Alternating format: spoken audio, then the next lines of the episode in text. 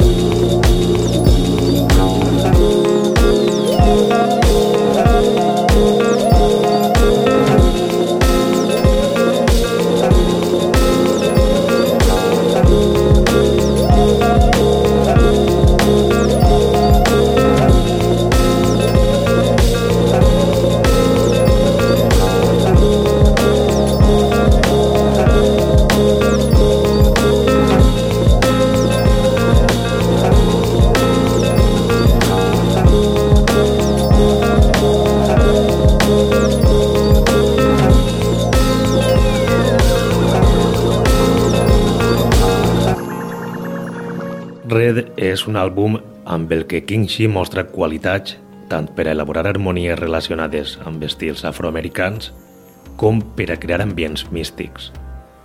tot sempre dins d'un context electrònic basat en l'electrònica avançada. Això és Blue Elephant.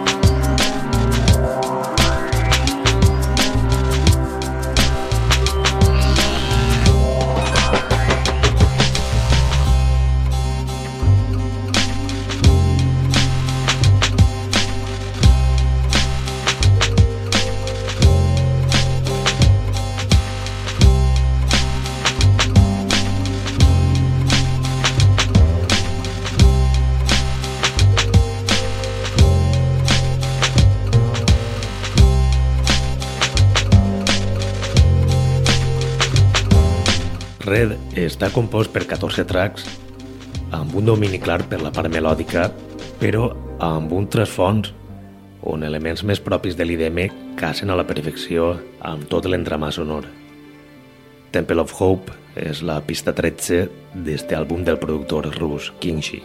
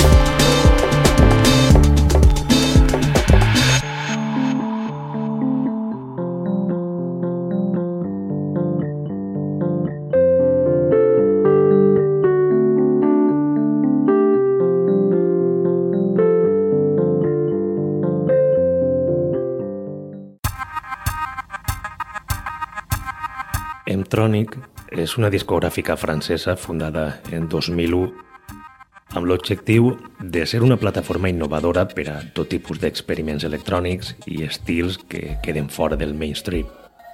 Una plataforma que recompensa el feeling amb els seus seguidors, oferint de tant en tant referències per Bandcamp de manera gratuïta o amb una aportació voluntària per part del consumidor. Recentment, este setxell parisenc ha publicat una entrega que es pot adquirir per Bandcamp posant-li al comprador el preu que consideri oportú. El passat 16 de juliol, el productor nord-americà Cathode Ray Tube debutava en esta plataforma amb un àlbum anomenat Invisible Soundtracks en el que desenvolupa un estil que ha abanderat durant dos dècades, ja que fa ara mateix 20 anys que Torra Tube publica un primer treball amb una barreja de gèneres que incloïen electrònica avançada i sons experimentals. Invisible Soundtracks és un àlbum de 8 pistes de tall experimental amb glitch, ritmes trencats, textures complexes, i molta harmonia ambiental i arpeggiada. The Sleep Market és el quart tall.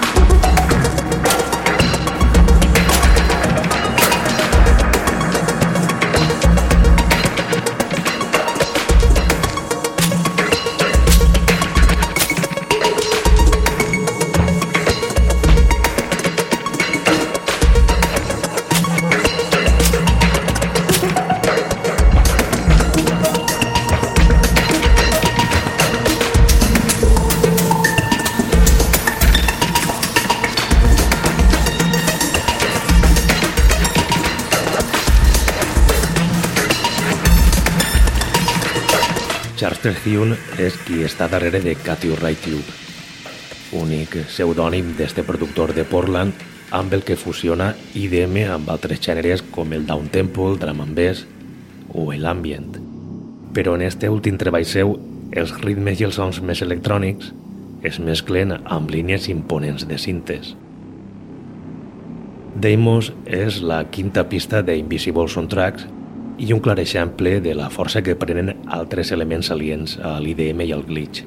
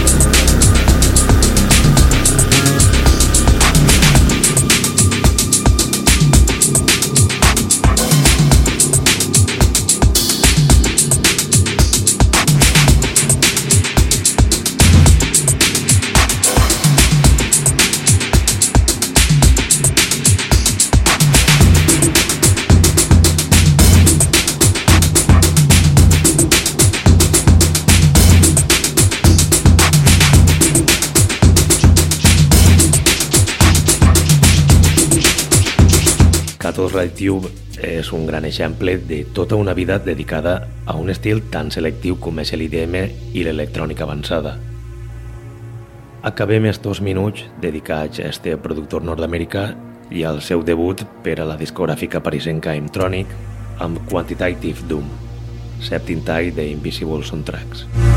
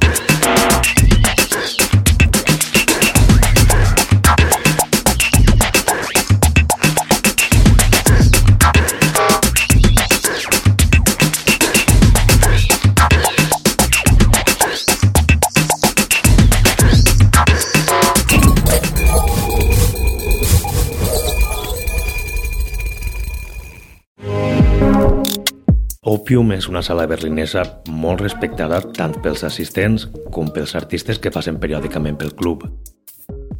Un club que s'ha guanyat la confiança del públic local amb una programació treballada que no li ha fet falta no dir-se de grans noms. Poden dir que no han pres el camí més fàcil que pot prendre un club per a triomfar ràpidament.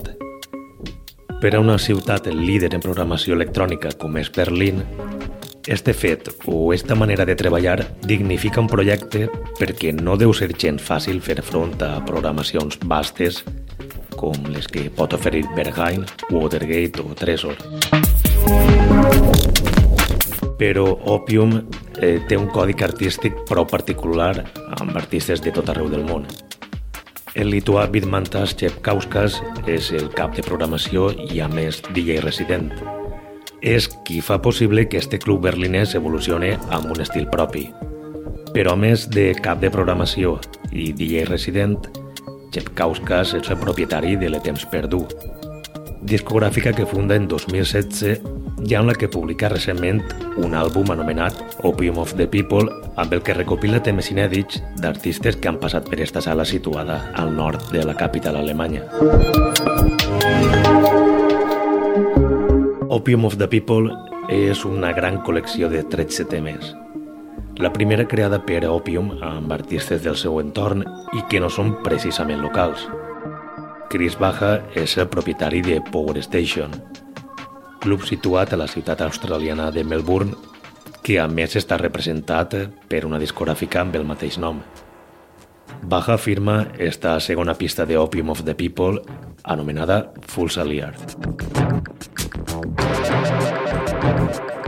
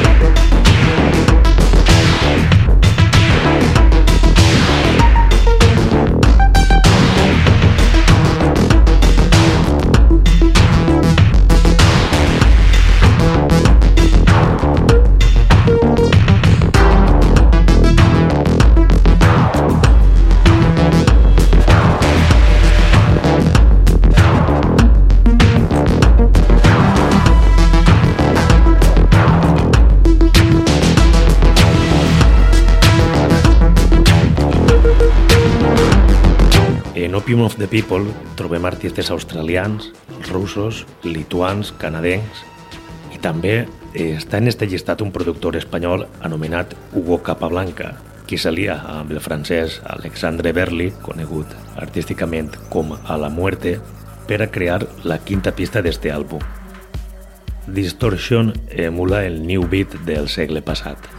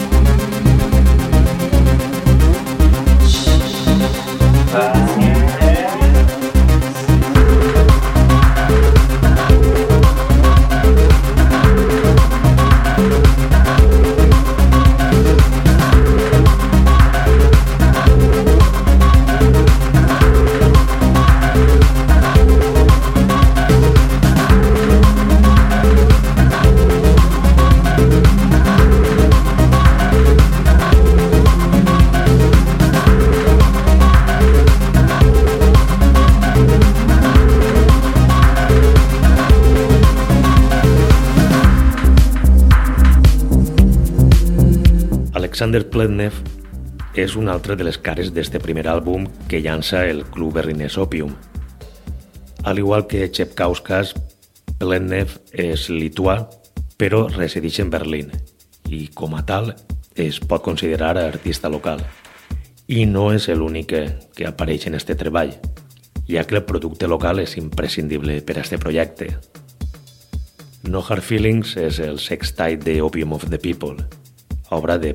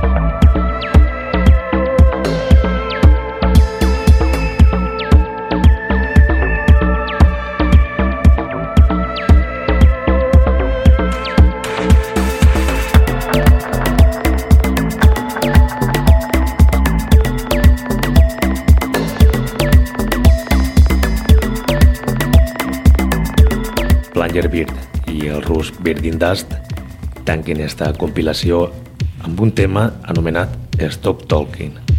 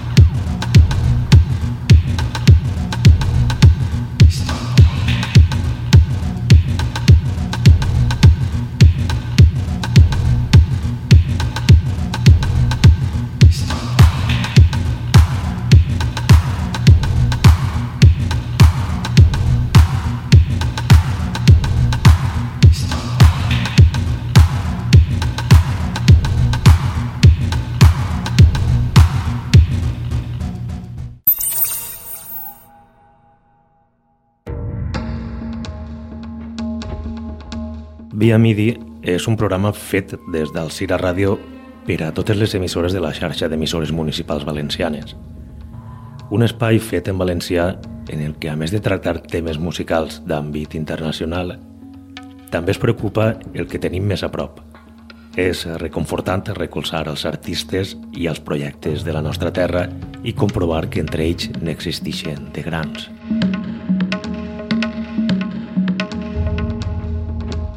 Si cal destacar un artista amb talent i projecció internacional, eixe és Nacho Marco, DJ experimentat que s'inicia com a productor a finals del passat mil·lenni i que pront veu recompensada eixa tasca amb publicacions amb grans setxells internacionals i amb el recolzament de la seva música per part d'artistes com John Dewitt i Lauren Garnier.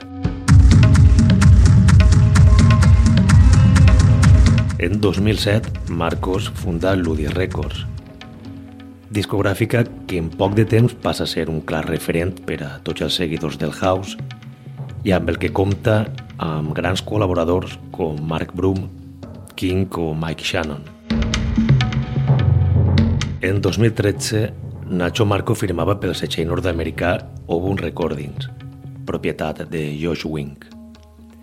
Ho feia amb Ghost, referència que precedia posteriorment a una sèrie de llançaments anomenats Warm Tracks, amb els que publicà una primera entrega en 2015 i una segona en 2016. Són dos grans treballs del productor valencià amb els quals desenvolupa un estil fonamentat amb els orígens del house, inspirats amb el Chicago més primitiu i donar-li protagonisme també a eixos baixos de la 303. Afterlife és la primera pista del segon volum de Warm Tracks.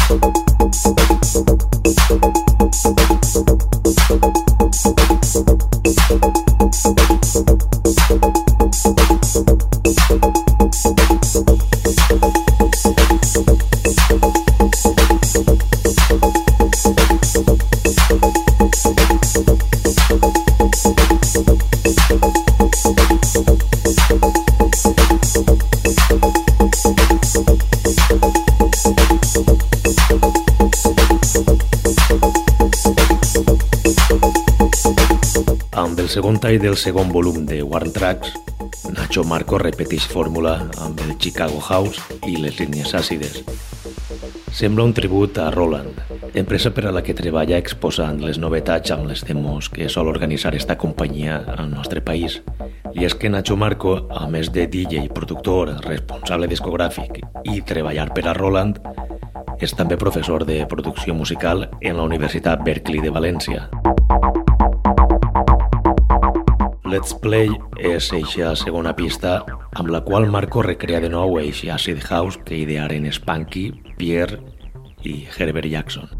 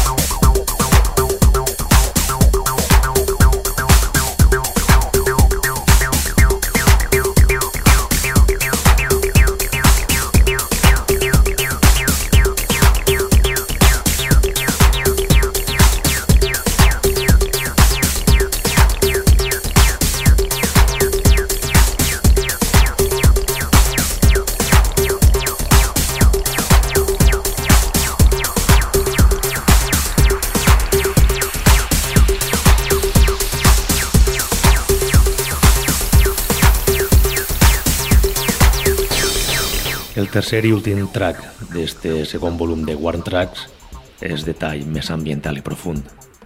Tell Me Something, de Nacho Marco.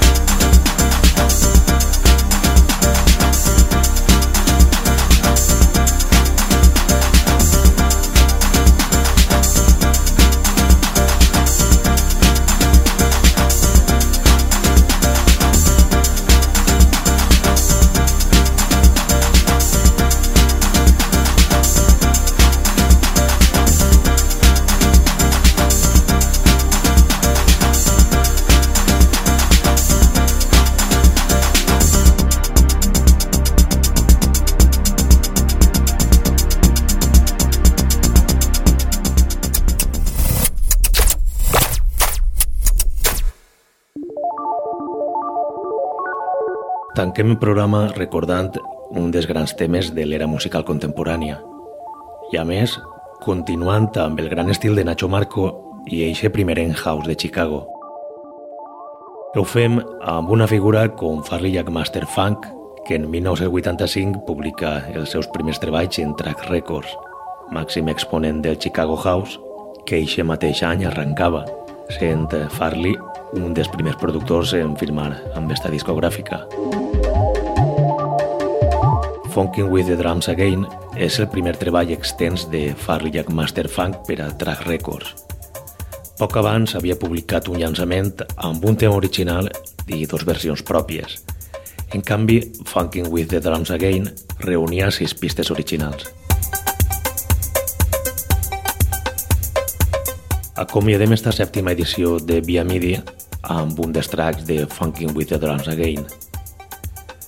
Farley House tema recomanat per Diego Manzaneque. Vos espere la pròxima setmana en un nou capítol de Via Midi. Salutacions de Ximo Noguera.